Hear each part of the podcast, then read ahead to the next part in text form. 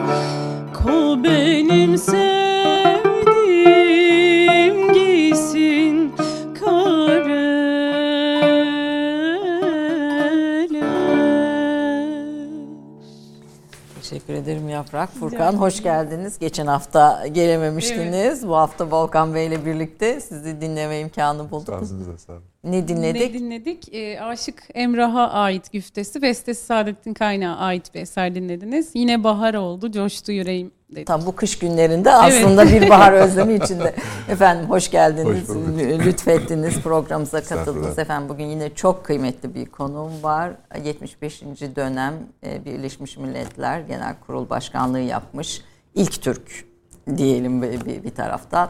Ee, uzun süre diplomaside 72'den bu yana dış politikanın içinde diplomasi Dışişleri Bakanlığı'nda görev almış. 2011 yılından beri de siyasette e, milletvekili olarak görev almış. Parlamentolar arası birçok kurum ve kuruluşta başkanlık yapmış. Türk siyasetinin dış politikasının önemli, kıymetli ve tabi AB Bakanlığı, Avrupa Birliği Bakanlığı dönemi hariç e, Türk dış politikasının çok önemli isimlerinden birisini konuk ediyorum. Volkan Bozkır. Hoş geldiniz efendim. Hoş bulduk. Gurur duyuyoruz e, başarılarınızı okuyunca, takip edince bizim için. E, biz bir kültür programıyız. Aslında e, o yüzden e, programda biraz sizinle birleşmiş, sizin kendi hikayenizi dinlemek istiyoruz. Sonra biraz Birleşmiş Milletler üzerine, biraz da aslında şu diplomasi meselesini bize bir anlatsanız. Hani diplomasinin incelikleri denilen şey nedir? Yani nedir bir diplomatı normal insanlardan ayıran? Tabii izleyicilerimize söyleyeyim. Şimdi en başta ayrımı göreceksiniz. Gördüğünüz gibi beyefendi son derece nazik notları önünde düzgün. Ben Deniz'in böyle bir karışık. Hani ortada bir fark şekilsel olarak görülüyor ilk etapta. Ben tekrar şeref verdiniz. Hoş geldiniz. Biraz sizi tanıyarak başlayalım e, istiyorum programa. 72'de dış işlerine giriyorsunuz ama siz mülkiyeli değilsiniz. Galatasaraylı değilsiniz. E, ben e, Ankara Hukuk Fakültesi mezunuyum. Aynı zamanda da Fenerbahçeliyim. e, iki önemli vasıf. İki önemli vasıf.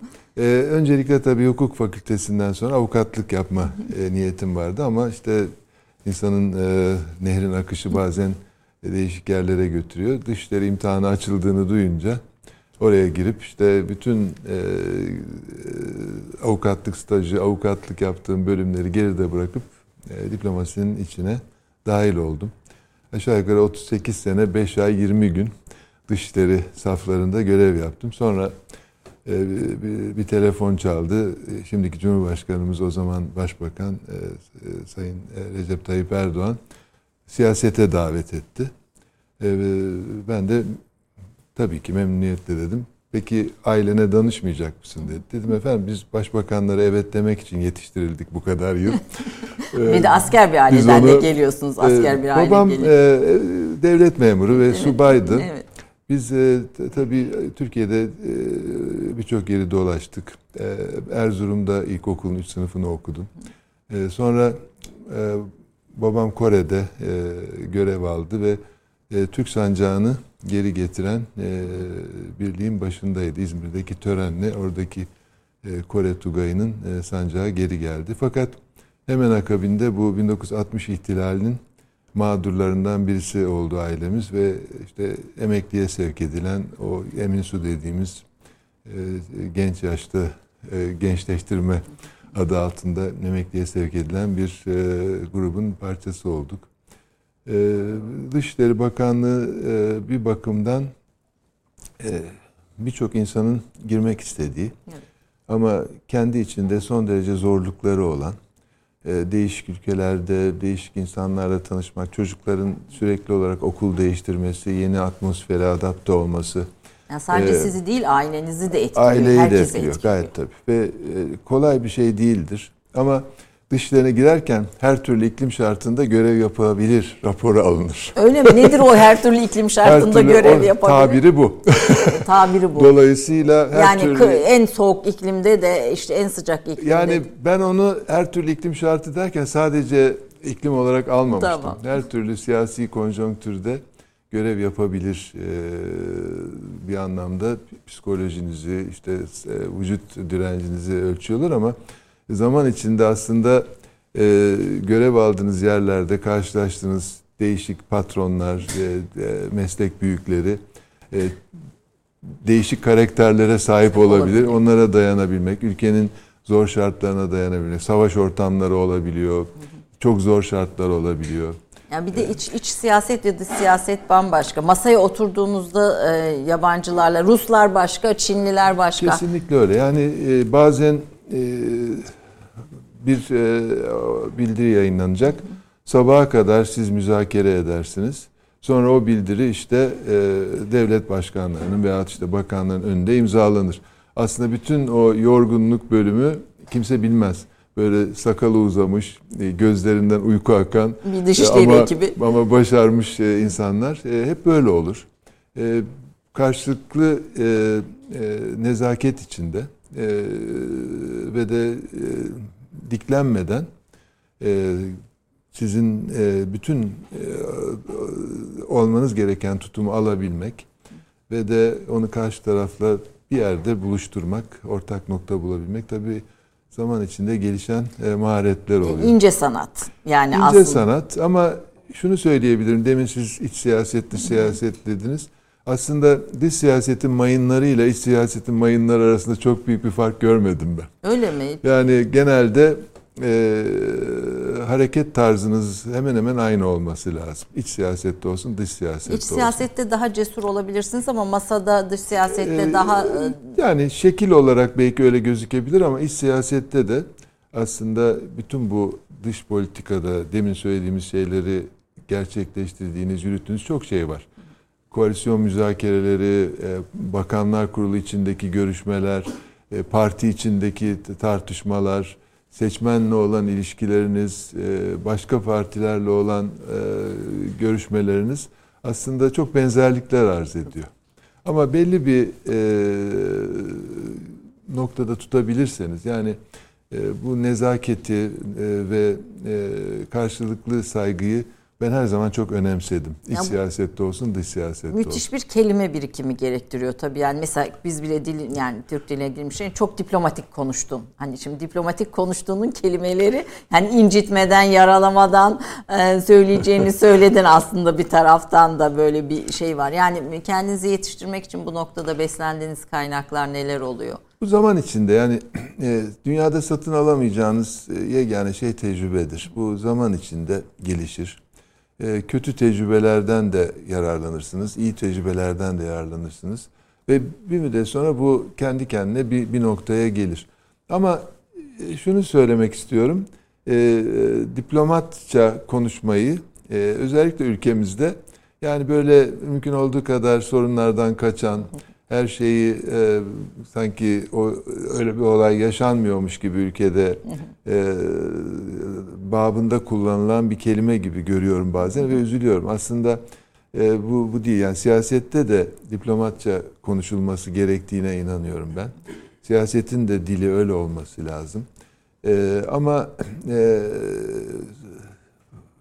Türkiye'de büyük elçilik yapmış kişilere olan saygı e, devam ediyor ve bundan da ben çok e, memnun oluyorum ve gurur duyuyorum. Kendi sadece kendi şahsım bakımından değil, genel olarak Türk kamuoyunda büyük elçilere böyle bir şey var. Saygı var, itibar var. Bundan da tabii ülkemiz yararlanıyor. Yurt dışı. Benim mesela emekli olduktan sonra siyasette de büyük elçi ünvanımı hep kullandım. Çünkü e, kazanılmış bir haktır. Yani meslek kademelerinden geldiğiniz zaman bu ünvanı muhafaza etme hakkına sahipsiniz. Zaten Birleşmiş Milletler Genel Kurulu Başkanı olarak Sayın Cumhurbaşkanımız e, Eylül 2019'da e, benim adımı genel kurulda konuşmasında bütün kamuoyuna açıklarken de büyükelçi olduğumu belirterek bahsetti. Yani bu ünvanla birlikte aslında o göreve e, layık görüldüm. E, Sayın Cumhurbaşkanımız tabii e, Dışişleri Bakanımızla birlikte e, gerçekten büyük teveccüh gösterdiler. Her zaman arkamda oldular. E, aslında bunun hikayesi de 5 e, sene öncesine gidiyor. Biz Birleşmiş Milletler Genel Kurulu'nda o zaman ben AB Bakanıyım. Mevlüt Bey de Dışişleri Bakanı. Cumhurbaşkanımızın katıldı. Mevlüt e, Bakanımız e, biz diye niye neden genel kurula başkanlığı aday olmuyoruz diye kendi personeline sordu ve orada bir karar alındı. Cumhurbaşkanımıza da danışıldı. Ve biz 2015 yılında adaylığımızı koyduk ama benim olacağım şeklinde değil. Biz Türkiye olarak Türkiye talibiz. olarak. Sonra aradan zaman geçti. Biz Dışişleri Komisyonu ile Belarus ziyaretini yapıyoruz. Minsk'teyiz. Telefon çaldı. Dışişleri Bakanı arıyor. Dedi ki sizi Cumhurbaşkanımız e, önemli bir göreve e, tensip etti. Ve orada telefon kesildi. E, Şimdi görev ne bilmiyorsunuz. Görev Birleşmiş Milletler gibi bir laf da edildi. Eşim de yanımda dedim ki e, Cumhurbaşkanımız e, muhakkak ki önemli bir görev e, her zaman olduğu gibi. Bakalım ne çıkacak e, falan derken 3 saat ben telefon bağlantısı kuramadım. Tekrar aradım işte bu bu bu falan. Ee, öyle bir haberdar oldum. Ee, tabii iki senelik bir süreç. İki ee, senelik bu süreç biraz şimdi onu ona e, gelelim. Yani Birleşmiş Milletler e, Genel Kurulu Başkanlığı'na giden sürecin öncesinde lobi mi? İki sene dediğimiz şey ön çalışmalar şimdi, mı? Nasıl bir şey? Şöyle e, bir defa Birleşmiş Milletler Genel Kurulu Başkanlığı Birleşmiş Milletler Genel Kurulu bir dünya parlamentosu olarak nitelendirmek lazım. 193 ülkenin temsil edildiği tek demokratik platform dünyada. E, başka plan ama 193 ülkenin olduğu başka bir platform yok ve bu Birleşmiş Milletler protokolünde birinci sırada Birleşmiş Milletler Genel Sekreteri önünde olan bir görev. E, coğrafi gruplara göre seçiliyor. E, biraz sonra onlara geliriz. E, beş coğrafi grup var. Türkiye'de bunlar içinden Batı e, grubuna dahil. E, ve e, Batı grubu dediğimizde de Avrupa değil. Yani Batı grubunun içinde ee, Asya var biraz galiba. Kanada, Amerika, İsrail e, ve Avustralya, Yeni Zelanda e, ve de Avrupa'nın batısı var. Çünkü o İkinci Dünya Savaşı'ndan sonra kurulurken diğer Avrupa Birliği'nin eski Sovyetler Birliği döneminden kalan ülkeleri Doğu grubunda. Güney Kıbrıs Rum yönetimi Asya grubunda. Böyle garip bir şey var ama biz Türkiye olarak Batı grubundayız ve e, aşağı yukarı e, bütün bu e, grupların adayı olarak ilk önce onun görüşmeleri yapıldı. Bir toplantılarına katıldım ve oy birliğiyle beni aday gösterdiler. Başka da aday çıkmadı.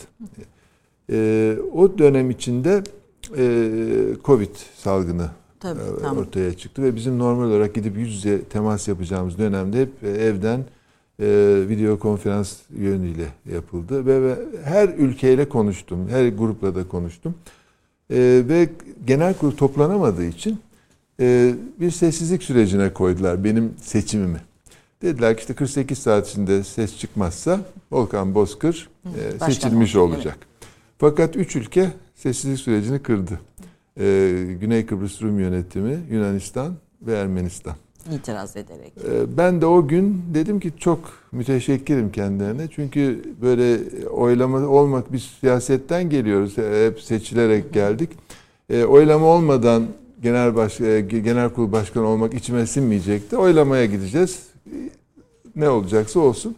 Ve e, seçimler yapıldı. Oylama yapıldı. İlk defa genel kurula Covid nedeniyle daimi temsilciler seçim için geldiler. Ve ben 193 ülkeden 182 oy aldım. Evet. Şimdiye Neredeyse kadar alınmış, e, oylamada alınmış en yüksek oy.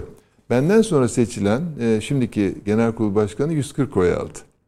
E, dolayısıyla o güçlen aslında çok e, önemli bir noktaya getirebildik. Genel kurul başkanının e, 21 başkan yardımcısı var. Yani çeşitli vesilelerle e, genel kurulu e, yönetebiliyorlar, e, görev veriyorsunuz, yapabiliyorlar ve de Ayrıca yurt dışı seyahatlerinde de e, devlet başkanı ve başbakan statüsünde ağırlanıyorsunuz. E, o açıdan e, çok önemli bir görevdi. E, Türk bayrağı hep arkamda olması tabii ayrıca bir gurur teşkil etti. Bütün toplantılarda, e, genel kurul haricindeki bütün toplantılarda Türk bayrağını e, hep arkamda e, bulundurdum. E, ülkemiz için, milletimiz için e, gerçekten çok gurur verici bir e, olay oldu. Şimdi pandemi dönemine denk gelmesi bir anlamda birçok tartışmanın da içine sizi sürükledi. Yani evet. pandemiyle birlikte dünyada ortaya çıkan eşitsizlik, Birleşmiş Milletler'in bu eşitsizliklere göz yumması Tabii. gibi işte bir takım Tabii. iddialar, raporlarla da ortaya çıktı. Ee, siz genel kurul başkanı olarak e, Birleşmiş Milletler'in yapısına ilişkin e, o dönem gözlemleriniz neler oldu? Yani nasıl olsa daha iyi olurdu veya neden Birleşmiş Milletler dünyadaki sorunlara aktif ve etkin müdahil olamıyor, sonradan müdahil olabiliyor? Biraz evet. bunları da konuşalım istiyorum. Şimdi e, Birleşmiş Milletler tabii İkinci Dünya Savaşı'ndan sonra ortaya çıkmış e, üç organdan bir tanesi. Siyasi bakımından Birleşmiş Milletler, Sonra da Bretton Woods e, konferansları sonrasında ortaya çıkan IMF ve Dünya Bankası. Aslında savaşın galiplerinin e, kurduğu bir düzendir bu. Bir, yani, bir dünya düzeni aslında. Yeni bir dünya Yeni düzeni. bir dünya Çünkü düzeni. E, e, Birleşmiş Milletler kurulmuş. Güvenlik Konseyi siyasi işlere bakacak. E, ve bu Güvenlik Konseyi içinde de savaşın galibi diye adlandırılan beş ülkenin veto hakkı olacak. Hı bir tanesinin veto etmesiyle hiçbir karar e, onaylan. Mutlaka be, beşi birden evet diyecek sonra da oylamaya gidecek e, Güvenlik Konseyi içinde. Aslında IMF ve Dünya Bankası'nda da aynı sistem var. IMF işte e, ekonomik bakımdan sıkıntıya düşmüş ülkelere reçetelerle yardım yapan bir kurum olarak ama mekanizmalar aynı. Dünya Bankası da az gelişmiş ülkelere yönelik kurulmuş bir düzen. Şimdi burada tabii bu veto hakkı nedeniyle bütün e, sistemi kontrol ediyorlar ve diyorlar ki işte Güvenlik Konseyi'nde e, karar e, eğer bir konu görüşülüyorsa bu genel kurulda e, ele alınamaz. E, genellikle de siyasi konuları Güvenlik Konseyi'ne aktardıkları için genel kurul bir anlamda 193 ülkenin mevcut olduğu çok büyük bir platform olmasına rağmen e, bu konuları yeterince bütün dünyanın e, sesinin dile getirileceği bir ortamda ele alamıyor. Yani o beş ülkenin gölgesi işte dünya beşten büyüktür evet, zaten evet. sözünün de menşei orası. Evet. O beş ülkenin gölgesi genel kurulun bütün kararlarına yansıyor. Siz buna e, siyasi bir yönlendirme olarak da bakıyorsunuz. Ama e, ben şunu fark ettim. Şimdi Türkiye gibi büyük bir ülkeden genel kurul başkanı çok e, sık sık çıkmıyor. Benden sonra Maldiv e, e, Dışişleri Bakanı oldu. Benden önce e, Ekvator'dan, işte Fiji'den, e, Slovakya'dan, Nijerya'dan. Yani e, öyle de demeyelim ama yani Türkiye gibi böyle e, bastıracak, e, e, ben bunu böyle İddia yaparım diyecek, e, beş ülkeye direnecek e, bir ülke pek pek de hoşlanmıyorlar aslında. Belki de bizim şeyimizde e, e, dönemimizde de çok hoşlanmamış olabilirler bazı konularda. Ama ben şunu gördüm. Yani e, genel kurulu zorladığınız zaman Güvenlik Konseyi'ndeki tıkanıklıkları da aşabiliyorsunuz. Bunun birkaç örneği de oldu. Mesela Filistin konusu. Filistin konusunda Gazze'de e, saldırılar varken, e, çok insan hayatını kaybederken Güvenlik Konseyi tıkandı. E karar alamıyor. Ateşkese e, fayda sağlayacak bir karar da alamıyor. Ben onun üzerine genel kurulu toplantıya çağırdım. Ve 14 Dışişleri Bakanı geldi. İlk defa fiziki olarak e, Dışişleri Bakanlarının katıldığı toplantı e, Filistin konusu. New York e, New York'a gel gelişleri orası oldu ve toplantı yapıldı. Bir karar da çıkar çık, çıkma çıkmadı. Ben karar çıkartmayalım dedim. Çünkü karar çık, çıkması süreç alacak, şu olacak ama şuna inandım ben hep siyasi rüzgar birçok şeyi halleder. İç siyasette veya dış siyasette. Ve orada bakanların gelişi, bugün çok yoğun bir şekilde ele alınması, yapılan açıklamalar sonunda ateşkes ilan edildi. Ve Birleşmiş Milletler Güvenlik Konseyi ondan sonra karar alabildi. Keza Myanmar e, da askeri darbeden sonra yine Güvenlik Konseyi tıkandı. Bir sürü kararı e, alamadı. Ben genel kurulu yine Myanmar için topladım. Ve oradan bir karar çıkarttık. Ve de Genel e, Güvenlik Konseyi ondan sonra karar alabildi. Hatay, Keza, Hatay'a gidişiniz, Hatay içinde de aynı kapısı. şekilde. Şimdi şunu gösteriyor. Yani eskiden Türkiye'de asker e, sivil idare e, dengesizliği varken diyeyim. Aslında hep şunu söylemiştim. Asker aynı yerde durur.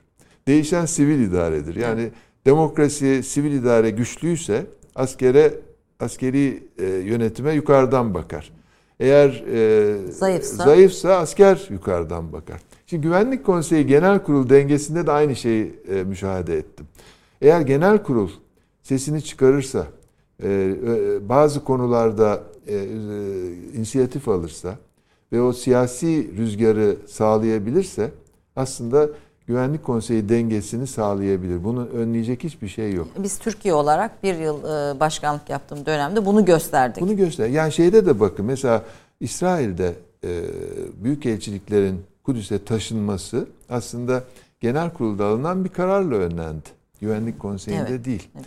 Yani o birçok örneği var. İleride bu bu şekilde kullanılabilir ama tabii e, demin söylediğim gibi e, güçlü bir ülkenin orada bu işi üstlenmesi çok fark ettiriyor.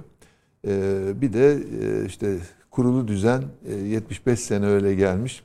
Onun e, getirdiği alışkanlıklar da var. Onlar da değişmiyor. Onlar da değişmiyor. Bir reklam arasından sonra Tabii. onları konuşalım. Siz Birleşmiş Milletler 21. yüzyılın şartlarına çok da uygun değil diyorsunuz. Yani e, değil derken nasıl düzelebilir? Onda da çok soru işaretleri Yerim var. var. Peki onu e, ve de bir finansmanı reklamlardan Tabii. sonra konuşalım. Efendim Volkan Bozkır, Büyükelçi, Bakan, 75. E, dönem Birleşmiş Milletler Genel Kurulu Başkanı olarak konumuz e, ve reklamlardan sonra sohbete diğer başlıklarla devam edeceğiz.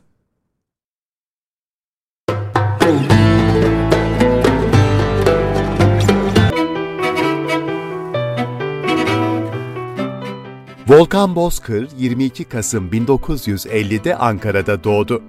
1971 yılında Ankara Üniversitesi Hukuk Fakültesinden mezun oldu. 1972'de girdiği Dışişleri Bakanlığı'nda Stuttgart Başkonsolosluğu Muavin Konsolosu, Bağdat Büyükelçiliği Başkatibi, OECD Daimi Temsilciliği Müsteşarı, New York Başkonsolosluğu, Bükreş Büyükelçisi, Avrupa Birliği nezdinde Türkiye Cumhuriyeti Daimi Temsilcisi olarak görev yaptı. Başbakan Turgut Özal'ın Dışişleri Danışmanlığını Başkanı, Cumhurbaşkanları Turgut Özal ve Süleyman Demirel'in Özel Kalem Müdürlüğü ve Dışişleri Başdanışmanlığı görevlerinin yanı sıra Avrupa Birliği Genel Sekreter Yardımcılığı, Dışişleri Bakanlığı Avrupa Birliği'nden sorumlu müsteşar yardımcılığı ve Avrupa Birliği Genel Sekreterliği görevlerinde bulundu. Büyükelçi Volkan Bozkır 2011 yılında AK Parti'den İstanbul Milletvekili seçildi. Türkiye Büyük Millet Meclisi'nde 24. 25. 26. dönem ve hali hazırda 27. dönem milletvekilidir. Bu dönemler zarfında Dışişleri Komisyonu Başkanlığı, Türkiye-Amerika Parlamentolar Arası Dostluk Grubu Başkanlığı, Türk-Rus Sivil Forumu Eş Başkanlığı ve Türkiye-Avustralya Parlamentolar Arası Dostluk Grubu Eş Başkanlığı görevlerinde bulundu. Ağustos 2014'te Avrupa Birliği Bakanı ve baş müzakereci olarak atanan Volkan Bozkır, Haziran 2016'ya kadar bu görevini sürdürdü. Büyükelçi Bozkır, 14 Eylül 2020 tarihinde üstlendiği Birleşmiş Milletler 75. Genel Kurul Başkanlığı görevini 14 Eylül 2021'de tamamladı. Romanya Ulusal Liyakat Madalyası, şövalye düzeyinde İtalya Liyakat Nişanı, Azerbaycan Cumhuriyeti Diplomatik Hizmet Kurumlarının 100. Yıl Dönümü Madalyası ve Hilali Pakistan Nişanı hamilidir. Evli ve iki çocuk babası olan Büyükelçi Volkan Bozkır, iyi düzeyde İngilizce ve Fransızca konuşmaktadır yani 40 yıla yakın bir e, dış işlerine ve yani, Türkiye'nin dünya ile e, ilişkilerine, siyasete bir emek var bu gördüğünüz. 38 artı 11. 38 ben 40'ı yuvarladım efendim. 38 olduğunu biliyorum. 40'ı 40 yuvarladım. Müthiş bir birikim, müthiş bir tecrübe. Yazıyor musunuz hiç bu, bu şeyin ee, Ben eskiden bir hatıra defterim gibi bir şey vardı. Günlük tutardım. Fakat e, rahmetli Özal'ın yanında 88 87 e, yılının Eylül ayında başladım. Çok yakınında çalıştı, çalıştık siyasetçi olarak. Sonra Cumhurbaşkanı olarak e, Demir, Sayın Demirel, rahmetli Demirel'in yanında. O zaman bir karar verdim. Bu o zaman bilgisayar falan da yok. Bir deftere yazıyorduk günlüklerimizi. Bu tür görevlerde çalışanların böyle anılarını yazma hakkı yok diye düşündüm. Çünkü çok mahremiyete giriyorsunuz. ee, büyük e, ilgi duyulabilir bu anılara. Ama o sizinle o e, kişi arasında geçmiş olaylar, onun izni olur olmaz, e, hoş olur olmaz diye ben e, vazgeçtim yazmaktan. Bu dış e, ilişkilerde anılarını yazan da çok yok. Bir Tanju Bileda'nın Maskeli Balosu. Çok kişi yazıyor aslında. yazıyor ama e, burada bir şey de var. E, bir e, İlkeslilik. Bir, yok bir bir nokta var. Yani bazı de meslektaşlar bütün girdiği toplantılarda ne konuşulmuş, belgeler, şunlar bunlar çok güzel kitaplar yazıyorlar. Onun tabi arşiv değeri var. Ama okuyucu bakımından bence çok sıkıntılı olabiliyor. Çünkü o konularla hiç ilgisi olmayan. Çok detay Çok detay. Tanju bile de benim çok, çok e, sevdiğim, çok etkilendiğim e, bir e, büyükelçi büyüğümüzdü. Onun yazdığı kitapta böyle çok renkli hikayelerle oldu ve en çok o e, kamuoyunda ilgi bilindi. buldu. O biraz e, arka planda ama, veriyorsun. E, ben yazsam e, o da çok tutulabilir. Ama kendimde o kişilerle çok yakın ilişki içindeyken şahit olduğum e, özel şeyleri yazma hakkına sahip değilim diye düşündüm. Türk dış politikasında etki bırakmış e, bakanlara, e, siyasetçilere baktığımızda kimleri görürsünüz? Yani e, tabii e, rahmetli Fatih Rüştü Zorlu çok güçlü bir Dışişleri Bakanı olduğu hep e, söylenir. Dışişlerini e, çok başka bir veçeye büründürüp e, gerçekten çok e, siyaset içinde önemli bir noktaya getirmiş bir bakandı. E, ben ondan çalışma şerefine nail olmadım. Ama onun dışında İlter Türkmen, Hikmet Çetin, İsmail Cem, e, Mevlüt Çavuşoğlu çok başarılı e, bir bakanlık yapıyor. Benim çok eskiden tanıdığım New York'ta başkonsolosken e, Dışişleri Bakanımız orada talebeydi. Ve o kadar yıl e, vefa ve, ve e, saygıya dayanan bir ilişkiyi sürdürebildik. Daha çok da ondan bana doğru evet, bu şey evet, oldu. Evet, Bey, ee, özel, tabii eski şartlarda e, Türkiye'nin dış politikada konuları çok sınırlıydı. E, Kıbrıs, işte e, birkaç böyle konu, e, sözde Ermeni olayları, şudur budur, 4-5 olayla ilgilenirdi dışları. E, o zaman işler tabii başka bir veçede yürür. Ama şimdi Türkiye bir dünya devleti oldu.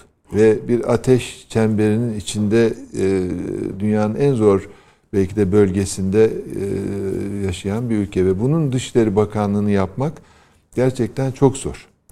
E, ama e, göre, gördüğüm kadarıyla Dışişleri Bakanımız e, mesela geç, geçen gün Çin'e gitti 20 e, saat uçakta 4 saat Çin'de olmak üzere. Bugün gazetede vardı. Ee, Avrupa Birliği Büyükelçileriyle toplantıya katılmış. Sonra da Sayın Cumhurbaşkanımızın yemeğine. Büyükelçiler demiş ki ya Çin'deydin sen ne zaman? ışınlandın mı geldin mi diye. Şimdiki ortamda Dışişleri Bakanlarının tabii böyle uçan bakan, e, devamlı e, ilişki kuran, bir telefon edebileceği ilişki kurmuş olması lazım. Şimdi gerçekten bu çok farklı bir şey. Eğer bir kişiyle tanışıp el sıkışmışsanız, bir, bir sohbet etmişseniz, beraber bir yemek yemişseniz e, belki de iki ülke arasındaki çok önemli bir konuda e, ona başvurduğunuzda e, bir kağıt üzerindeki bir kişi yerine ya işte bu o dedirtebiliyorsanız o zaman bir sürü sorunu daha çözülebilir hale getirme imkanına sahip olursunuz. Dolayısıyla şu anda e, bizim tabii e, yeni e, dünyamızda Türkiye Afrika diyorsunuz. Afrika'da çok güçlü bir şekilde var. Afrika'da kaç ülke güçlü bir şekilde var deseniz belki 5-6 ülkedir. E, bir tanesi de Türkiye haline geldi. Eskiden birkaç yerde büyük elçiliğimiz varken bugün 30 e, küsür yerde büyük elçilik aç. Cumhurbaşkanımız 30 e, kere Afrika ülkelerini ziyaret etti. Başbakanlığı ve Cumhurbaşkanı döneminde. E, Asya diyorsunuz. E, bütün o e, bölgeyle stratejik olarak zaten Dışişleri Bakanlığı'nın e, şeyi var. E, Asya ile ilişkileri geliştirmek. Avrupa Birliği diyorsunuz. E, yıllardır devam eden e, müzakereler var. Libya, Suriye, e, Orta Doğu, e, Körfez e, ve bütün bunlar e, çok değil. Ukrayna, Rusya, e, Türkiye devletler, Kazakistan nerede bir olay varsa Bunların içinde Türkiye olmadan e, yeni bir adım atmaya kimse düşünmüyor. Artık her bütün bu olayların içinde Türkiye'de bir parça olarak ve çok önemli söz sahibi olarak giriyor. Tabii bunun e, bunun altından kalkmak kolay bir şey değil. Yani Cumhurbaşkanımız olsun, Dışişleri Bakanımız olsun yani adeta e, bütün ülkelerle bu ilişkileri kurabilmiş, e, devam ettiren e, kişiler olarak e, ortaya çıkıyorlar. E, ben Birleşmiş Milletler Genel Kurulu Başkanlığı aday olduğumda özellikle de Batı grubundan birçok e, arkadaşım, dostum ya sen nasıl seçileceksin dedi. E, işte bir Türkiye sevilmiyor. E, sen, böyle, böyle de bir imaj var böyle yani. Böyle bir imaj var. Hele hele, hele Batı grubundan nasıl çıkacaksın dediler. Batı grubundan oy biriyle ve de demin söylediğim rakam var. Şimdi bunun aslında e, şunu gösteriyor. Türkiye neden 182 oy aldı 193 ülkeden? Aslında Türkiye çok seviliyor dünyada. Benim temas ettiğim bütün ülkeler Cumhurbaşkanımız olsun, Türkiye olsun. Diyorlar ki en zor anımızda Türkiye hep yanımızda. Deprem olur, Türkiye gelir. Sel Aşırı olur, sıkıntısı olur, Türkiye'den gelir. Efendim işte Covid olur, Türkiye yanımızda. Sel olur, gelir. En ufak bir sıkıntı olur, Türkiye orada. Ve Cumhurbaşkanı genel kurulda bir konuşma yaptıktan sonra böyle e, etrafı daimi temsilcilerle sarılır. Tebrik edenler, e, e, teşekkür edenler. Dolayısıyla Türkiye'nin aslında dünyada böyle bir yalnız kalmış, sevilmeyen gibi bir konumu yok. Ben bizzat bunu iki senedir e, yaşadım. E, ama bu da birdenbire olmuyor. Yani her yere ulaştığınız takdirde, dertlerine derman olduğunuz takdirde, mazlum ülkelerin yanında olduğunuz takdirde bunlar olabiliyor. Sizin bir Rohingyalı Müslümanların Bengaldeş'te sığındığı bir bir kampta bir fotoğrafınız var. Arkadaşlar uygunsa göstersinler. Ve bu fotoğraf tüm başkanlık döneminde en çok etkilendiğim resimlerden e, birisiydi diyorsunuz. Ne gördünüz orada? 860 bin e, Müslümanın yaşadığı bir Şimdi, mülteci kamp orası. E, Aşağıda bir kız çocuğu var sizin e, baktığınız yerde. Ben e, resmi ziyaretlerime Nisan ayında başlayabildim. Çünkü ondan önce zaten New York'taki genel kurulu toplamak bile büyük bir e, başarı ve e, önemli bir adımdı. İlk ziyaretimi Türkiye'ye yaptım ve Türkiye'de de Hatay'daki Suriye mülteci kamplarına gittim. Hatta sınırı biraz geçerek. Ondan sonra dediler ki ya nasıl olur bu Covid ortamında kamplara gidilir mi? insanlarla sarmaş dolaş fotoğraf çektirilir mi? Ben o zaman dedik ben Rohingya Müslüman kamplarına da gideceğim ve Bangladeş'e gittim. E, Rohingya Müslüman kamplarında e, 1 milyon 100 bin e, Rohingya Müslümanı Myanmar'dan e, adeta soykırıma tabi tutulmuş, kaçmak zorunda kalmış e, insan yaşıyor. Ve hayatımda gördüğüm bir sürü kamp gezdim. En kötü şartlarda, en zor durumdaki kamptı. Şimdi şöyle belki izleyicilerimize tahayyül için söyle, söyleyelim. Mesela Bakırköy'ün İstanbul'da nüfusu 1 milyon. Yani e, Bakırköy gibi bir e, sahanın mülteci kampı olduğunu düşünün. Yani koca bir, bir, bir küçük şehir aslında. Küçük şehir ama e, böyle bir felaket yapılarla yani çadır çadırdan bozma. Yani o resmini gördüğünüz Burada, evet. küçük kız e, birdenbire koşarak yanıma geldi. E, ben ona işte çikolata attım. Beni Rohingya Müslüman kamplarında beni insanlarla temas etmeyeyim diye sağlık nedenleri bahanesiyle böyle askeri birlikler getirmişlerdi ve e, benimle o kamp e, sakinlerinin arasını e, çevirmişlerdi. Ben o barikatı açtım ve insanlarla buluşmaya gittim. Ve o kız o sırada koşarak yanıma geldi. Yani aşağıdan koştu. E, o resimde görülen yer onun e, yatak odası. Yani Aslında, bir küçücük kulübemsi o, bir şey. O yattığı yer ve o tuvalet aynı zamanda. Yatağı çekiyor, tuvalet yatağı kapatıyor. Bu kamp Birleşmiş Milletler'in kontrolü Hayır, değil mi? Bangladeş yönetiyor hükümeti. Tabii Bangladeş zaten zor şartlarda büyük ama takdir etmek lazım. E, bu kadar insanı orada e, bir şekilde hayatlarını e, koruyor. Yani yoksa öldürülecekler, öldürecekler için kaçmışlar, evet. gelmişler. Fakat öyle bir e, yapı var ki e, onun etrafında da çok büyük yoksulluk var. Ve o etrafındaki kampı besleyen e, yerel e, topluluk dediğimiz e, Bangladeşliler aslında hayatlarını kamptan kazanıyorlar bir yandan da. Çünkü kampa giden bütün Birleşmiş Milletler yardımları, e, yiyecek içecek işte ne varsa o, o küçük ölçeklerde dahi onları e, yaşamını sürdürmeye imkan sağlıyor. Yani hatta şunu düşünmüştüm. Ya bu Rohingya Müslüman kampları bir gün kapansa bu insanlar mutsuz olurlar. Çünkü kendileri belki de ona benzer şartlarda yaşarken geçimlerini buradan sağlıyor. Fakat o arada bir şeyi müşahede ettim. E, o çok zor şartlar kampın içinde e, bir Türk hastanesini ziyaret ettim. Ve Türk hastanesi yanmıştı. Sayın Cumhurbaşkanı'nın talimatıyla yeniden inşa edilmişti. Ve orada 300 doktor, hemşire, ebe, Türk, e, Türk vatan evladı o şartlarda orada yaşıyorlar ve hastanenin her şeyi vardı. Ameliyathanesi, röntgeni, ebesi, e, diş e, ne varsa tam teşekküllü bir Sahra Hastanesi şeyinde. Hatta benim orada onlarla resimlerim evet, de vardı. Onun dışında ama tabelalarda görüyorsunuz. Kızılay, TİKA, e, İHA, Türk kurumları, Türk kurumları AFAD hepsi oraya varmışlardı. İşte deminki sorunun cevabı aslında niye e, Türkiye seviliyor? Neden e, de bu kadar e, teveccüh var?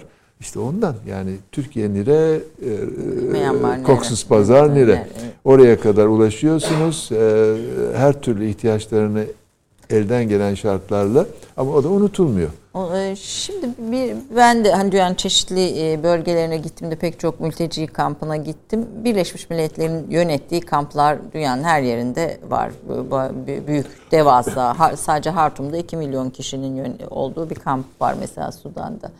E, fakat e, oradaki hayatı ikame ettiriyor. Yani asgari a, düzeyde o insanların yaşamlarını ayakta kalacakları bir şeyi veriyor. Diğer taraftan da acil konular işte Lübnan, Beyrut mu bombalanıyor? İşte Birleşmiş veya işte Suriye'de e, Birleşmiş Milletler var. Fakat sanki böyle e, tam kapasitesini kullanmıyor da biraz işin gösterisinde, jeneriğinde gibi Birleşmiş Milletler bir duygu uyandırdı bende. Yanlış bir e, duygu mu bu bilmiyorum. Yani Birleşmiş Milletler aslında e, son belki birkaç on yıldır bir başarı hikayesine sahip olmamış bir teşkilat. Onun için de itibarı giderek azalıyor. Gerek işte siyasi konularda demin konuştuğumuz Güvenlik Konseyi'nin e, blokajı, gerek e, Birleşmiş Milletler'in yapısı. Ama Birleşmiş Milletler'in başarılı olduğu bir bölüm e, bu UNICEF gibi, e, UNESCO gibi, işte Dünya e, Tarım Teşkilatı gibi e, ve UNHCR gibi, Mülteciler Yüksek Komiserliği gibi bir kurumlar iyi çalışıyor. Bunlar e, yardımı yönetiyorlar, oraya gidiyorlar, çocuklara aşı yapıyorlar, eğitiyorlar. Yani kendi içinde 200 bin personeli var dünyada Birleşmiş Milletler'in ve bunlar gerçekten e, takdir edilecek çalışmalar yapıyorlar. Fakat sorun bence şurada yatıyor. Birleşmiş Milletler olayların arkasından geliyor. Yani e, Bosna'da olduğu gibi, Bosna'da Afganistan'da olduğu gibi oldu. Afganistan. Yani mesela Afganistan yeni yaşadığımız bir e, örnek. Evet. Afganistan'da bu noktaya gelince ayan beyan meydandaydı. Aylar öncesinden meydandaydı. Ama bütün bu olay ortaya çıktı. E, bütün ülkeler orayı tahliye ettiler. Türkiye hariç. Türkiye Büyükelçiliğini muhafaza ediyor. O da işte bir başka gösterge. Neden Türkiye her yerde var? Neden Türkiye'ye e, saygı duyuluyor? Ama Birleşmiş Milletler şimdi oraya işte ben nasıl insani yardım yollarım? Acaba ne kadar nasıl yollayayım? Yollasam? Konferanslar, para toplayayım. Halbuki Birleşmiş Milletler oraya ön, önünü almalıydı bu olay. Yani sadece askeri müdahale de değildir bu. Yani orada Çünkü aç çocuklar aç yani. Çocuklar aç, aç kalacak belli ama oradaki e, toplumun saygı duyacağı toplum liderleriyle olan ilişkiler bile bazen olayları çözebilir. Ee, önceden e, Birleşmiş Milletler devreye girebilseydi eğer belki bu noktaya gelmezdi. Ee, Birçok ülkeyle olan sıkıntı da hep sonradan geliyor. Ve o zaman da e, insani yardım, eğitim, işte aşı, e, şundan bundan ibaret kalıyor. Oysa ki siyasi olarak e, müdahale edebilmeli ve e, önleyici güce sahip olmalı. Ama bütün bunların tabii kararının alınması Güvenlik Konseyi'nin elinde olacak. Bir de tabii her olay, her müdahalenin ayrı bütçesi oluşuyor.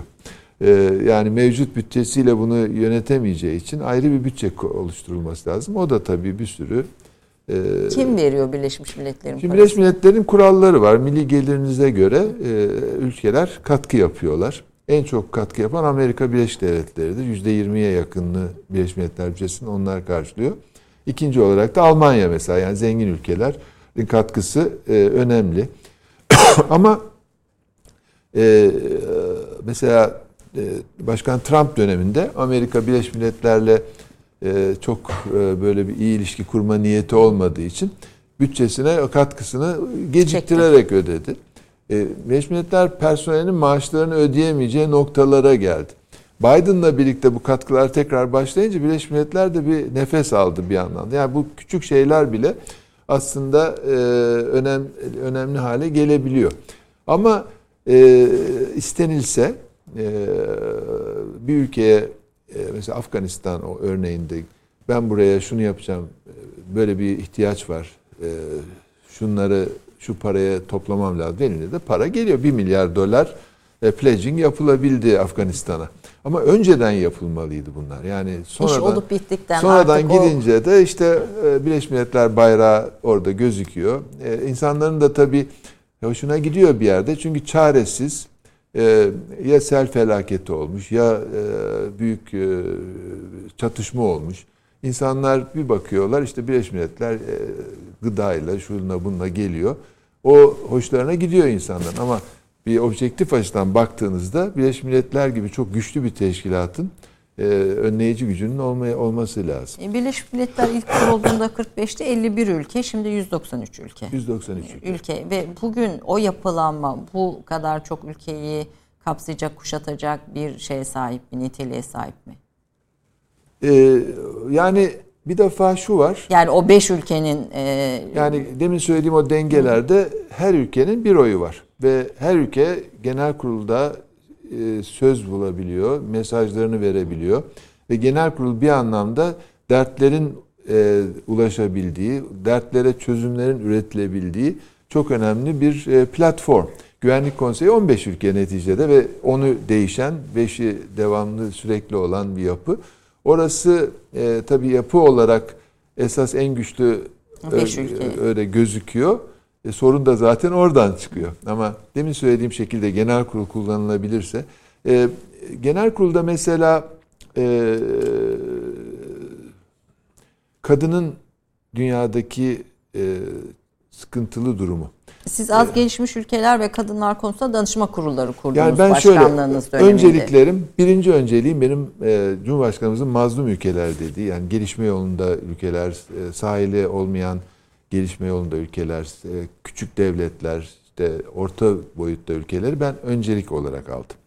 Onlarla ilgili de bir danışma grubu kurdum ve bu danışma grubu 6-7 e, uzmandan oluşan ama daha çok e, üreten ve Birleşmiş Milletler mekanizmasından dışında kalan bir yapı olarak kurdum ki ben oradan istediğim hızda yürüyeyim, kararları alayım, oradan genel kurula götüreyim. Çok da başarılı oldu. Şimdi yeni başkan bunu devam ettiriyor.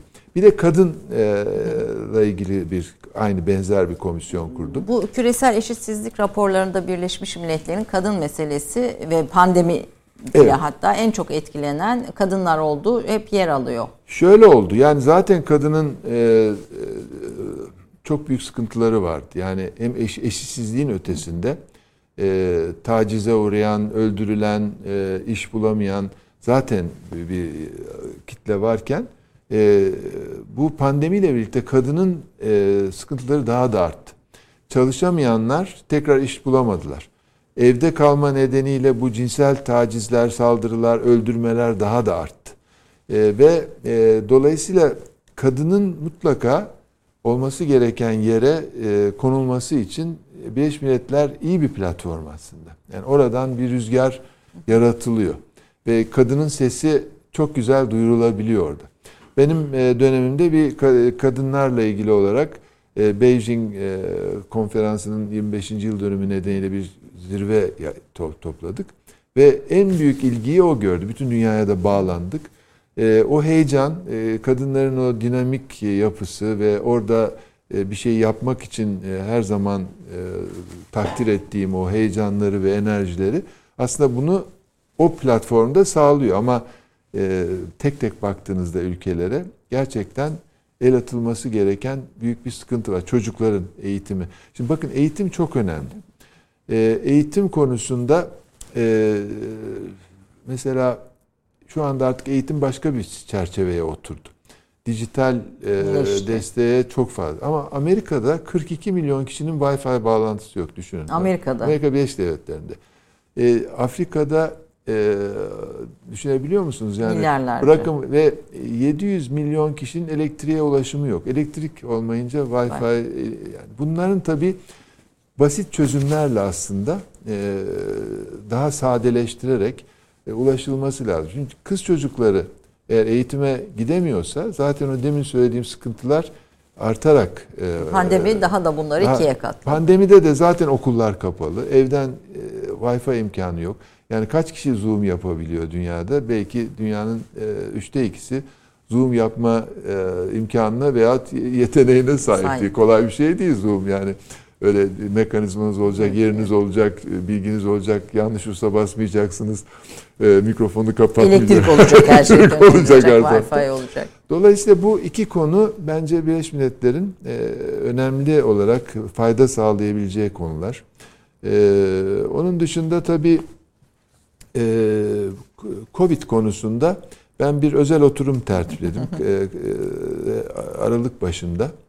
E, ve bütün devlet başkanları orada konuşma yaptılar. Ayrıca da aşı üreticileri aşı nakledecekler, aşıyı pazarlayacaklar. Yani bütün iktisadi bölümü, siyasi bölümü, sivil toplum bölümü ele alındı. Orada ayan beyan ortaya çıktı ki daha aşı tam devreye girmemişti. Yani bu Aralık 2020'den e, bahsediyoruz. E, aşı bulunsa dahi bunun dağıtımında sıkıntı yaşanacak. Nitekim de öyle oldu. Nitekim yani de öyle Afrika oldu. yani yüzde dokuz faydalandı. Yüzde, yani e, yüzde dokuza bile yeni çıktı. Yani yüzde üçlerdeydi. E, tabii eğer e, ben Batı ülkelerini sağlama alayım, Amerika'yı sağlama alayım Afrika'da da ne olursa olsun deme şansına sahip değiliz. O kadar çok seyahatlerle iç içe ticaret olsun, işte ulaşım olsun, e, uçaklar, şunlar bunlar bu yayılıyor bu virüs. Yani bir yerde ben Avustralya bile bütün ülkeyi kapattı. Her giren 14 gün otellerde hapis mapis falan sonunda girdi oraya bile yani. Çin öyle. Vietnam tamamen kapatmıştı. Bir tane vaka yoktu. E, açar açmaz e, binlerce. Japonya aynı şekilde. Yani bu artık e, herkesi etkileyecek bir virüs. Onun için de aşı çok önemli. Aşıyı da bir sisteme bağlamamız lazım. Şimdi bir yanlışlık var. Bunu ben genel kurul başkanı iken de söylüyordum. Halen de aynı kanaatteyim. Aşının dağıtımı ülkelere bırakılmamalı. Yani şimdi mesela Amerika Birleşik Devletleri dün bir açıklama yaptı. Dünyada en çok aşıyı ben dağıttım diğer ülkelere diyor. Ama burada şöyle bir sakınca var. Yani e, ülke olarak dağıtırsanız o zaman e, ben seni seviyorum. E, sana işte şu çok aşı Şahsi vereceğim. duygunuz için. E, seni sevmiyorum. Sana hiç vermeyeceğim. Evet. Veyahut da ya ben sana aşı veriyorum. Sen bana ne vereceksin? Ya yani bu ticari bir commodity, e, mal haline gelirse çok sıkıntılı olur. Dolayısıyla bunun aslında en güzel şeyi Dünya Sağlık Örgütü ve COVAX denen sistem içinden bu dağıtımın yapılması. Dünya Sağlık Örgütü maalesef siyasi nedenlerle e, e, Covid sırasında üzerine düşen yükümlülüğü herkesin e, takdir edeceği, güveneceği biçimde yerine getiremedi. Oysa ki e, Dünya Sağlık Örgütü mesela bu aşı iyidir, bu aşı kötüdür, evet. e, şu ilaç iyidir, şu ülkelere dağıtmamız lazım diyebilmeliydi. Onda bile siyasi nedenlerle bazı aşıları ayırdı, bazı aşıları şey yaptı ve şu anda kredibilitesi çok yüksek değil ama Dünya Sağlık Örgütü'nü kaybetme lüksüne de sahip değiliz. Dolayısıyla Dünya Sağlık Örgütü'nü bunun sistem içine güçlü Bu da bir Birleşmiş şekilde. Milletler aktif, Birleşmiş Milletler aktif şey bir rol oynayarak. Aşı işinde de önemli bir çözüm olur. UNICEF zaten çocuklara aşı konusunda Onu çok veriyor. tecrübeli. Dünya çapında aşı dozlarının %73'ü sadece 10 ülkeye gitmiş. Yani, yani Oxfam'ın e, en son evet, raporunda. Evet, en zengin ülke e, 870 milyon doz aşı rezerve etmiş zaten. Yani e, diyorlar ki hatta ya üçüncü dozu yapma da işte üçüncü dozu biz Afrika'ya dağıtalım falan. falan. E, bu da insan tabiat yani böyle bir şey yok tabii. Yani herkes üçüncü dozun da olsun Afrika'da aşısını olsun, olsun yani. yani. Ona, ona, ona göre gitmesi öyle, lazım. Öyle, öyle bir mantıkla Siz, giderseniz e, yürümez. Burada Birleşmiş Milletler devreye girmeli diyorsunuz. Evet. Peki bir es verelim. Yaprak ve Furkan'dan bir eser dinleyelim. Ne dinleyelim? Ee, siz kadından bahsederken biraz çekindim bu eseri okumaya ama e, bir hanım tarafından üzülen bir beyefendinin yazdığı sözler üzerine Erol Sayan hocamız bir beste yapmış.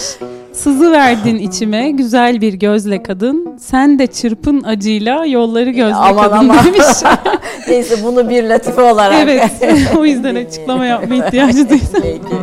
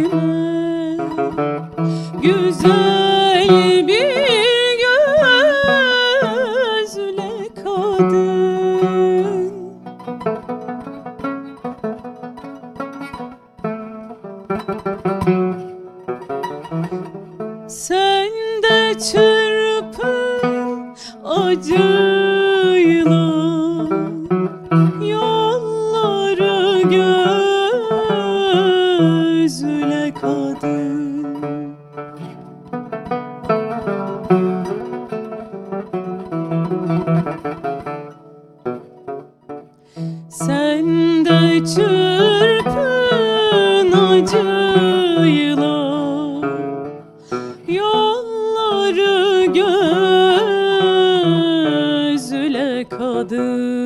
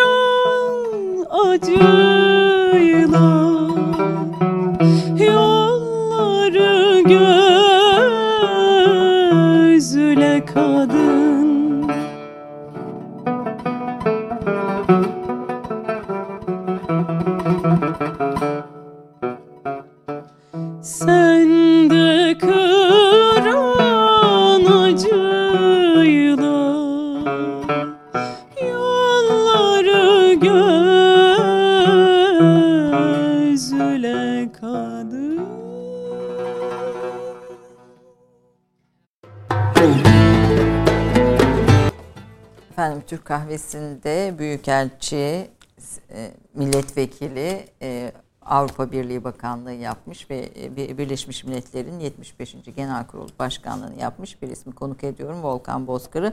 Biraz böyle hobilere ve geçelim. Siz Fenerbahçeli olduğunuzu biliyoruz.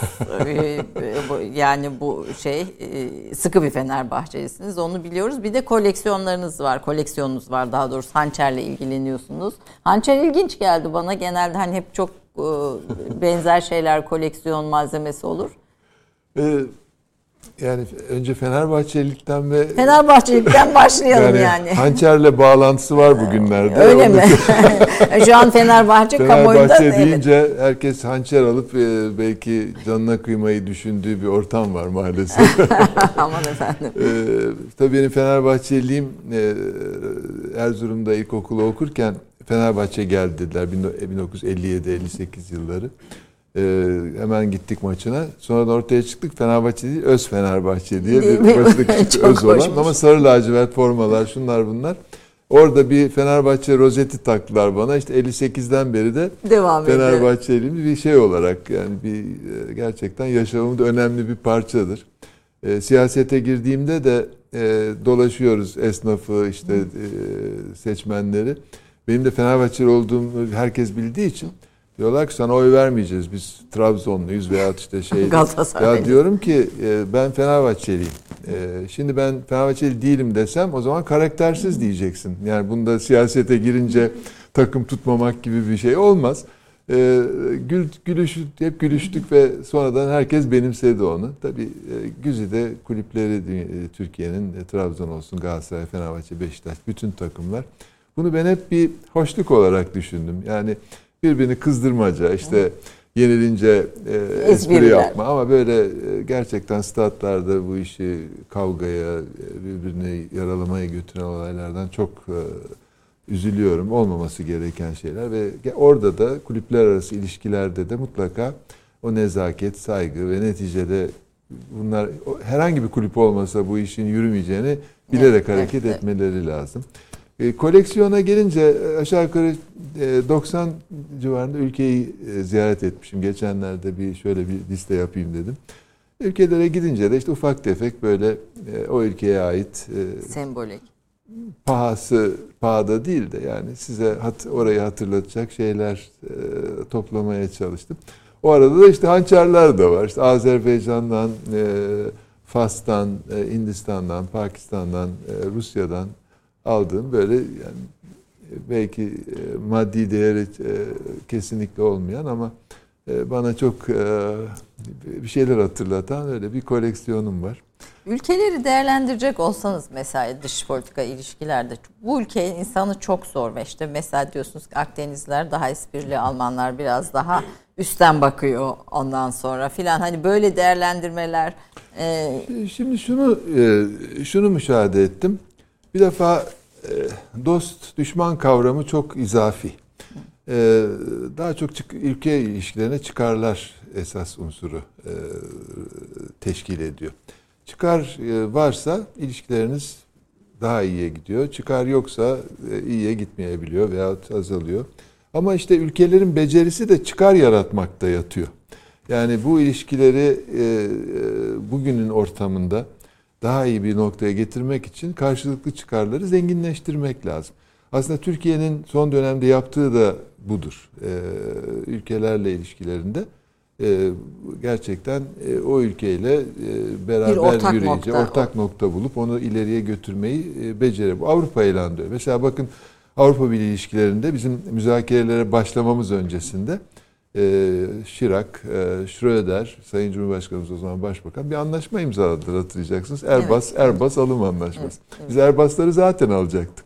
Ama öyle bir törenle e, bir anlamda bir, e, orada olayın içinde bir çıkar Fransa ülkeler gibi, arası bir e, çıkar da giriyor. Kendi kamuoylarına yönelik bir şey yarattık. Birçok şeyde bu e, İtalya ile olsun, dünyanın başka yerleriyle olsun bunlar çok önemli. Ee, e, insan yapısı olarak tabii e, Türk insanına e, sıcak ülkeler yani Akdeniz kuşağı dahil olmak üzere daha çok hitap eder. E, belki kuzey ülkeleri e, yapı olarak e, yeme içme dahil e, çok farklılık arz eder. Ama e, netice olarak e, her ülkede bizim neredeyse vatandaşımız var. Dünyanın en ücra yerine gidiyorsunuz. Bir Türk geliyor, çıkıyor, işte orada iş yapıyor, okuyor, yerleşmiş, e, eşi oralı falan. Yani her yerde, her yerdeki insanlarla da ilişki kurabilen çok e, değişik özelliklere sahip bir milletiz. E kızdı, ne yap kızdığında ne yapıyor bir diplomat? Şimdi mesela müzakere, müzakere masasındasınız ve sahiden e, hani şey tabirle cininiz tepenize çıktı. yani şimdi bu, bu, bu, bu süreçleri nasıl yönetiyorsunuz çok merak ediyorum. Şimdi tabii e, böyle bir tabir vardır. Masaya yumruğunu vurmak falan diye. Sonra espriler olmuştu. Masaya alttan vurdu da işte ses çıktı ama yumruğu gören olmadı falan. Ama yani son e, e, Türkiye'nin son dış politika döneminde e, örneğin Brüksel'de müzakere tarihi alacağımız günlerde sabaha kadar müzakere ettik. Demin bahsettiğim çerçeve içinde. Sabahleyin Hollanda Dışişleri Bakanı o zaman dönem başkanıydı. Geldi dedi ki işte Kıbrıs'ta şunu yapmanız halinde veyahut da yapmamanız halinde müzakereleri ya başlatacağız ya başlatmayacağız. Cumhurbaşkanımız da o zaman başbakan. E, baktı baktı falan. E, teşekkürler dedi. Hadi bana Eyvallah. alas mı aldık dedi. Kalktı yürüdü gitti. Hollanda Dışişleri Bakanı anlayamadı. e, dedim ki gidiyor. Nereye gidiyor dedi. Dedim işte biraz sonra uçağa binip hep beraber döneceğiz. Ee, bize bir oda vermişlerdi. Ee, Türk e, misyon için. Oraya o odaya Cumhurbaşkanı biraz dedik ki efendim işte uçağın motoru ısınacak, pilotları bulacağız, getireceğiz. Ee, siz biraz burada bekleyin. O arada bir de açıklama yazalım. Ee, o arada o arada Birden kapı açıldı. Tony Blair, Berlusconi, e, Schröder, e, Belçika Dışişleri Bakanı ve Hollanda Dışişleri Bakanı içeri girdiler. Ya işte e, nereye gidiyorsunuz, yapmayın, etmeyin, konuşalım, konuşalım. Kağıtlar tekrar geldi. E, bizim istediğimiz şekilde e, bütün tahsihler yapıldı. Ondan sonra e, aşağı yukarı bir 36 saatlik bir sürecin son 9 saati genel şeyi konseyi geciktirerek bizim istediğimiz şekilde sonuçlandı. Şimdi bu yani bir örnek. E, bazen hiç saygısızlık yapmadan, kaba konuşmadan belli hareketlerle aslında e, duygunuzu e, ifade, duygunuzu ifade ediyorsunuz ve sonuç alabiliyorsunuz. E, e, dolayısıyla e, çeşitli tabii yöntemler var. Bazen e, bunun tabii bu dış politikanın en uzmanlarından biri Rus e, diplomasisidir. E, hep e, söylerim. Ruslar aslında satranç gibi oynarlar bunu. E, fakat e, siz satranç oynarken de arada bir Rus ruleti oynatırlar size. Yani, sen yani şu, o, o duruma getirirler. Piyonu, piyonu ilerlerken bir arada bir de şu silahı dene derler. Yani e, çok e, yani uzun zamandır tek bir yerden yönetilmiş, çok iyi yetiştirilmiş, e, bu işin e, teatral taraflarını da öğrenmiş ve çok bilgili e, bir şekilde yönetilir. Bir sahnesi de var bu işin diplomasinin tabii. Tabii tabii. Yani yüzünüzdeki mimiklerden ne bileyim vücut lisanınıza kadar kullandığınız sizin demin belirttiğiniz gibi kullandığınız kelimelerden bir de dayanıklılık tabii 30 30 saat hiç kalkmadan oturmanız gerektiğinde e, fiziki kondisyonunuzun da 30 Ona saat oturabilecek e, güçte olması şey oldu. Kendinizi besleyen kaynaklar neler oluyor yani bütün bu? Bir de stresli bir iş sonuçta stresli yani. bir iş. E, yani genellikle Dışişleri e, Bakanlıkları size her türlü şeyi sağlar. Yani bütün bütün bakanlıklar, bir dünya itibariyle siz orada neticede bir e, önünüze konmuş daha önce çalışılmış, e, bilgilendir, bilgili kılındığınız bir ortam içinde yaparsınız bu görüşmeleri, müzakereler.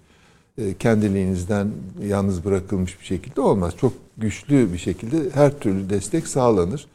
Onun ötesinde işte artık e, sizin yeteneğiniz, beceriniz. Size bir anımı da anlatmak Buyurun. istiyorum.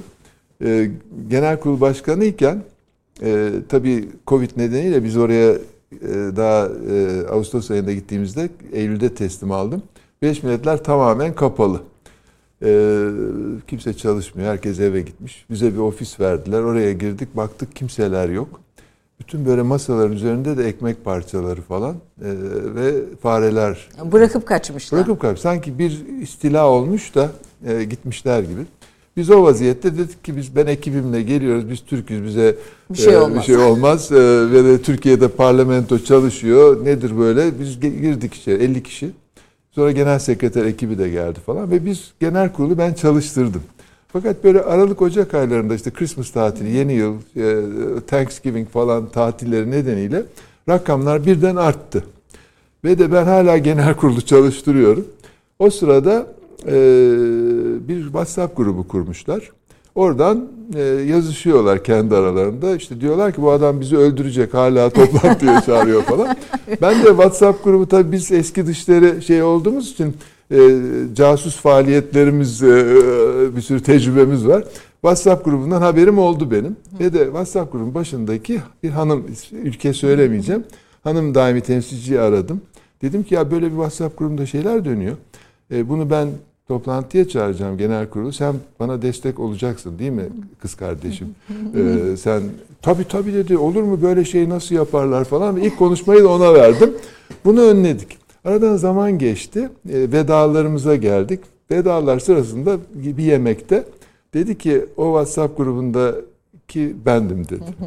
Dedim ben biliyordum da dedim. Niye ben seni aradığımda sen hemen ee, benden yana döndün. E ben senden korktum dedi. Çok iyi. Bu korkudan, korkunun başka bir şeyi var.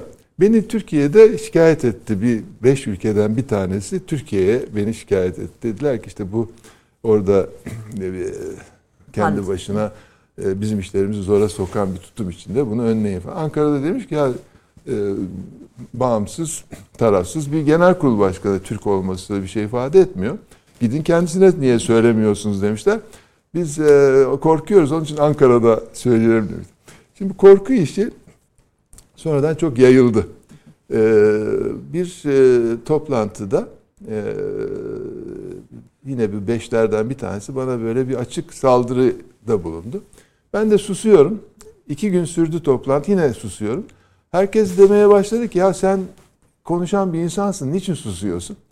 Dedim ki bakın size bir hikaye anlatacağım. Dünyada benim ismim Volkan. Dünyada iki tip volkan vardır. Dişi volkan ve erkek volkan. Ee, dişi volkan daha hareketlidir. Sürekli laf püskürtür. Mesela işte Sicilya'daki Etna Yanardağ dişi volkandır. Ee, Napoli'deki Vezüv e, erkek volkandır. Arada bir e, e, laf püskürtür ve sonra püskürtür. durur uzun süre. Dedim ki ben e, bu hikayeyi anlatıyorum size. Ben dedim Vezüv rolünü üstlendim. Onun için cevap vermedim vakit. Ama dedim yani bu devam ederse de ne yapacağım belli olmaz. Şimdi bu duyulmuş. Karayipler'deki e, Sen Vincent ve Grenadinlere gittik. Onun e, çok enteresan dünyanın başka bir ucundaki bir ada e, bir volkan patlaması olmuş ve 10 bin kişi tahliye olmuş, evler tahrip olmuş. O nedenle gittim ben. Başbakan Cumhurbaşkanımız ismiyle hitap ediyor. E, nereden tanışıyorsunuz? Ben de Türkiye'ye geldim e, bir toplantı için. Önünden geçerken bana isminle hitap etti. O benim artık kardeşim falan. E, bir çok, hatır e, yani hatır şey. müthiş Fakat hatır. E, enteresan olan benim bu Birleşmiş Milletler Genel Kurulu'ndaki konuşmamı duymuşlar. Ve de o patlayan volkan da La Soufrière e, bir dişi volkan onların tabiriyle. Dediler ki ya sen işte madem e, volkansın ismin şu e, dişi volkanla bir konuş da tekrar bir büyü yapalım. Ben de gittim volkanın yamaçlarına. Oradan böyle konuşur gibi yaptım. Basın masın böyle kameralar şeyde. Akşam bütün kameralar e, Genel Kurul Başkanı Volkan geldi. La Süfriyer yanardağına sakın ha bir daha patlama dedi. Ben orada nasıl bir kahraman oldum görseniz böyle artık herkes e, bir espri, espri altında e, şey oldu. Çok e, hoş bir anıdır onu size evet, paylaşmak evet, istedim. Gerçekten yani şey latife, espri, şaka hani bu diplomasinin galiba bir, bir tarafında da mutlaka olması gereken. Yani, siyasette de aynı şey. O demin söylediğim şey yani bu gittiğiniz bir yerde buna benzer bir hoşluk yarattığınız zaman iç siyasette de her zaman e, geçerli olur. Millet dört dönem milletvekilliği e, yaptınız halen de milletvekilisiniz. Yine de iç siyasetin daha zor dediğiniz e, sahaları yok mu? Yani e, gayet tabii kolay kolay bir iş değil. Hiçbir şey kolay değil. E, ama iç siyasette tabii e, çok sayıda insana temas kurmanız lazım. E, onları e, tabiri caizse dokunmanız lazım, dinlemeniz lazım, e, ulaşmanız lazım. Ee, ve çok canlı bir e, mekanizma iç siyaset. Sürekli yenilenen. Yenilenmeniz lazım. Yani, dünya, yani ülkede olsun, dünyada olsun çeşitli e, gelişmeler oluyor. O konuda sürekli olarak bilginiz olup e, tepki olabiliyor. O tepkiyi yatıştıracak karşı bir görüş ikna edici görüşler üretmeniz lazım. Ee, ve de tabii parti disiplini var. Ee, parti içindeki Dengeler şeylere var. bakmanız lazım. Ee, ben çok e, memnunum yani iç siyasete geçtiğimde. Benim belki e, dış siyasette devam ederken yaşayamayacağım birçok e, çok güzel olayı iç siyasette yaşadım. Çok büyük dostluklar kurdum. Çok büyük destek gördüm. Ve de gerçekten siyaset başka bir şey. Yani siyaset ama siyasetin içinde bu, bu e, tempoya girmeyen, bu ilişkileri yaşamayanların siyaset yapmasını da e, tenkit ediyorum. Yani oturuyorlar bir sürü insan. Oturduğu e, yerde oturduğu olacak yerden işte. e, şu şöyle olsa böyle olur falan öyle değil. Yani mutlaka siyasetçinin yaşadıklarını yaşayarak yani muhalefet olsun, iktidar olsun hiç fark etmez onların süzgecinden geçerek olaylara yaklaşmak lazım. Çünkü aksi takdirde e, çok hava yani son zamanlarda o kadar çok konuşan çıktı ki Türkiye'de e, her konuda e, fikir sahibi herkes olan. fikir sahibi. Ama e, bakıyorum hani bir artık e, uzun yıllar belli bir yaşa gelmiş biri olarak da daha objektif yani bakabiliyorum. Yani sonuçta 38 yıl uzun bir tecrübe. Yani halkın halk da artık çok fazla yor, halk yorulmuş vaziyette. Bu bu tür boş konuşmalarda. Boş konuşmalarda. Onun için iç siyasette bence yani demokrasi çok önemli bir şey. Demokrasinin kıymetini bilmemiz lazım demokrasi Türkiye'nin olmadan... de belki bu noktada. E, Türkiye'de e, Türk de, Türkiye'nin yani, kıymetini bilmek de önemli. Türkiye'nin kıymeti yani Türkiye'de demokrasi çok canlı. Ve yani e, aşağı yukarı 11 e, seçim ve referandum kampanyası var. 11 kampanyaya katıldım. O kadar canlı ki yani bu seçim kurulları, seç, öncesi, sonrası sayımlar, mekanizmalar yani o kadar canlı ve yüz binlerce insan bu işin içinde görev alıyor. Yetiştiriliyorlar, o noktaya getiriliyorlar. Hepsi görevine sahip çıkıyor. Yani bu mekanizmaları bilmeden evet seçimler şöyledir böyledir diyenlere de yani hiddet e, hiddetle bakıyorum. E, ve Türkiye demokrasisi kolay bir şey değil. Yani e, aşağı yukarı e, nüfusun e, çok büyük bir bölümü yüzde 85-90 oranında oy kullanmaya gidiyor. E, ve çok canlı bir demokrasi var. E, onun için biz bundan övünmeliyiz aslında. Yani kolay bir şey değil Türkiye gibi bir ülkede. E, 700 yıllık bir imparatorluktan sonra e, bir e, e, çok sayıda değişik etnik gruba sahip e, bir ülkeyi bir arada tutan e, aslında demokrasidir. Ve bunun kıymetini bilmemiz lazım. Evet, bu kıymetin farkında olarak meseleleri kesinlikle, de tartışmak e, kesinlikle. gerekir e, diyorsunuz. Şimdi yeni dünya düzeni diye bir şey konuşuyoruz. Yani Çin'in daha etkin olduğu, daha güçlü olduğu işte bölgesel o şeylerin dengelerin değiştiği. Siz yeni bir şey olduğunu düşünüyor musunuz? Dünyada mesela liderlik krizi diye bir başka kavram gene e, politikada karşımıza çıkıyor. Bu konuda liderlik lider var mı? Sizin mesela önemli bulduğunuz liderler var mı? Biraz aslında bu bu yüzyıl ve e, bugüne dair dış politika vizyonumuz konusunda da fikirlerinizi yani, almak isterim. Demin e, siz de bahsettiniz ya Birleşmiş Milletler kurulduğundaki üye sayısıyla şimdiki yüzler evet. çok büyük fark var. Yani birçok ülke e, bağımsızlığını kazanıyor. Birçok ülkede mesela en son e, Barbados'ta e, İngiliz e, genel valiyi e, değiştirip artık kendi cumhurbaşkanlarıyla devam etmeye karar ver. Yani böyle yapısal değişiklikler de oluyor. E, ama şu var, e, e, mesela Çin dediniz.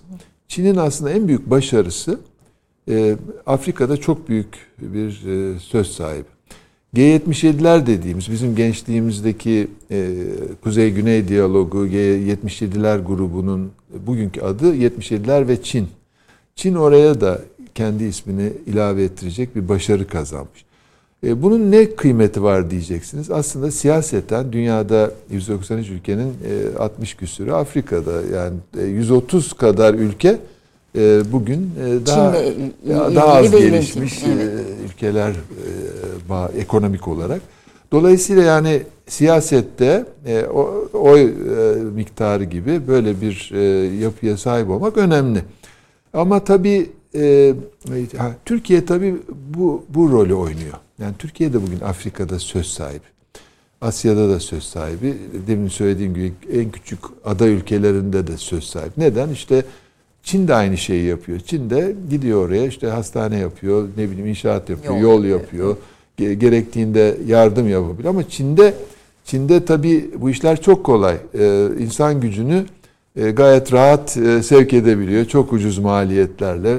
Kendi inşaat maliyetleri de ucuz. Rekabet gerçekten Çin'le yapmak çok zor.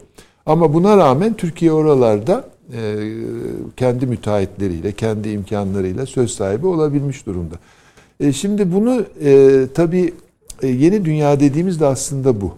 E, ve e, gelişme yolunda ülkelere, e, sahile hududu olmayan gelişme yolundaki ülkelere, küçük ada devletlerine, küçük ülkelere e, yönelmediği takdirde e, siyasette, iç siyasette nasıl başarılı olamay- olamazsanız e, bütün küçük ülkeye, bütün ülkeye, Amerika'da da aynı şey yaşandı.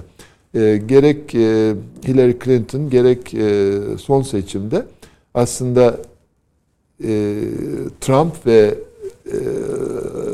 Obama şeylere ulaştığı için o önemsenmeyen küçük gruplara ulaştıkları için seçimi kazandılar. Aralarında çok az fark var.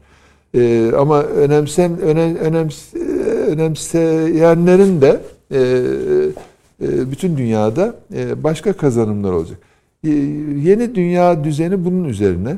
Ama eğer bu dünyadaki dengesizlikleri, ekonomik dengesizlikleri çözemezsek e, çok büyük sıkıntılarla karşılaşabiliriz. Ekonomik olarak bakıldığında e, şu anda dünyada İkinci Dünya Savaşı sonrası ekonomik rakamları var. Bütün ülkeleri, Bütün, yani dünya ekonomisi bakımından. Evet. Yani o kadar vahim bir tablo ile karşı karşıyayız. Birçok ülke iflas etti aslında ama ülkelerin iflası açıklanmıyor. Ee, Birçok ülke e, mesela sadece turizmden geçimini sağlayan ülkeler var. Sadece belli konularda e, ihtisaslaşmış ülkeler var. Onların hepsi bu Covid sonrası büyük darbeler yediler. Şimdi eğer biz bunlara çözümler bulamazsak bu bir patlamayla gelecek. Eğer ekonomik olarak dibe vurarsa ülkeler o zaman e, terörün artması, umutsuz insanların çoğalması o ülkeleri, insanları başka yöne sevk edebiliyor. Dolayısıyla bunu görmemezlikten gelmek büyük yanlışlık. Türkiye olarak biz bunu gördük ve doğru bir e, politika izliyoruz. E, gücümüzün yettiği kadar ama herkes onun farkında. İşte e, birçok ülke maskesini, tıbbi malzemesini kendine saklarken Türkiye'nin o dönemde e, fedakar, pay, basit mesajlardır bunlar ama onu unutulmuyor. Dolayısıyla buna çok dikkat etmemiz lazım. Açlık sorunu giderek e, inanılmaz e, boyutlara var. Yani bugün 115 milyon insan e, yaşanamayacak ekonomik boyutlarda e, dünya üzerinde. Yani 235 milyon insan açlık sınırında. Yemen'de 16 milyon insan e, bugünlerde açlıkla karşı karşıya. Suriye'de aynı vaziyette.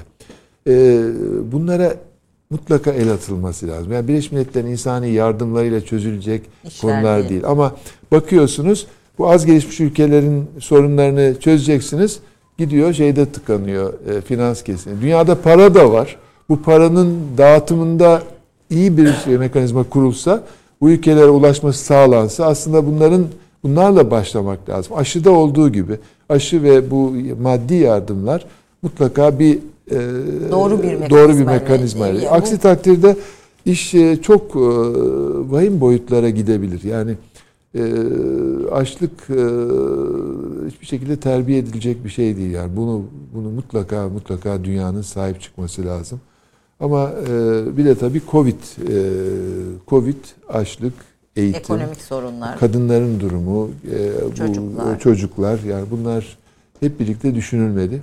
Birleşmiş Milletler yine de bütün o konuştuğumuz sıkıntılı tabloya rağmen burada rol oynayabilir. Evet, ee, bunu bunu güçlendirmek evet. lazım. Türkiye'nin de bu noktada e, çağın ruhunu anlayan ve uygulayan öyle. bir dış politika Kesinlikle uyguladığını Kesinlikle söylüyorsunuz. Efendim çok çok teşekkür ben ediyorum. Ben teşekkür ederim. Küresel adaletsizliği nasıl giderebiliriz bilmiyorum ama hani belki Birleşmiş Milletler'in bu konulara daha duyarlı olması noktasında e, sizin gibi başkanlarla e, ve diğerleriyle daha etkin olunabilir. Mekanizmaların içine girilirse belki biraz daha dikkat çekilebilir. İnşallah. Bazı konulara etkin işler yapılabilir. Ee, son bir cümle olarak söylemek istiyorum. Dış politikada diplomat olmak isteyen bir sürü genç var bizim izleyicilerimiz arasında da gençler var. Onlara böyle üç cümleyle şöyle şöyle diyeceğiniz bir formül var mı efendim mesleğin? Yani diplomat olmak için çok iyi bir lisan olması lazım. Lisanlarını geliştirsin genç kardeşlerimiz ve bir işi herhangi her iş çok kıymetlidir e, severek yapılması lazım. E, sadece e, menfaat e, keyif e, olarak değil, bu aynı zamanda e, bir hayat biçimi. Hayat biçimi ve fedakarlıklara da razı olmaları lazım ama e, ben e, tekrar dünyaya gelsem ne olmak istersiniz deseler yine diplomat olmak e, isterim. Yani e, benim bakımımdan e, çok her bakımdan beni tatmin etti. Faydalı olabileceğim şeyler e, yaptığımı düşünüyorum.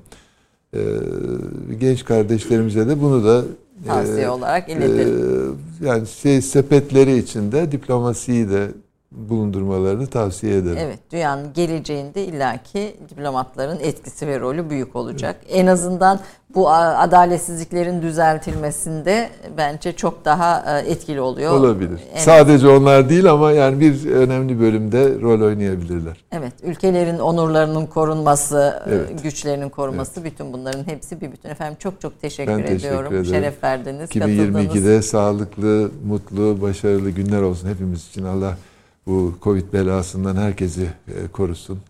Evet. İnşallah daha iyi günlerde konuşalım. İnşallah bu tecrübelerinizle e, ülkeye çok da katkı sağladığınızı sağlayacağınıza teşekkür da inanıyorum. Sağ İnşallah çok teşekkür ediyorum. Bir son final eser. evet yine bir Saadettin Kaynak eseri Acema Şiran makamında. Gönül seni ayık bulsam sorsam halin nedir diye diyeceğiz. Peki. E şimdi efendim Yaprak e, az dinlenen eserleri Türk kahvesinde özellikle icra etmeye gayret ediyor ki bir aşinalık olsun. Çok, Çok e, hepimiz tanıyalım bu eserleri Çok memnun diye. oldum. İki sanatçıyla bir arada Sizin de müzikle alakanız var ama bildiğim kadarıyla. Çok eskiden. Eskiden bir gitar çalmışlığınız var. Çok eskiden. Bir gitar halen süren bir şey yok. yok. Evet, siz dinlemeyi sevdiğiniz müzik neydi? Var yani mı? işte her türlü müziği dinliyorum. Ee, gerek değerli Türk kardeşlerimizin e, icra ettiği Türk musikisini gerek e, batı klasik müziğini. batı müziğini dinliyorum. Yani evde müzik hep açıktır bir şekilde. İlla ki bir müzik var. Peki efendim buyurun.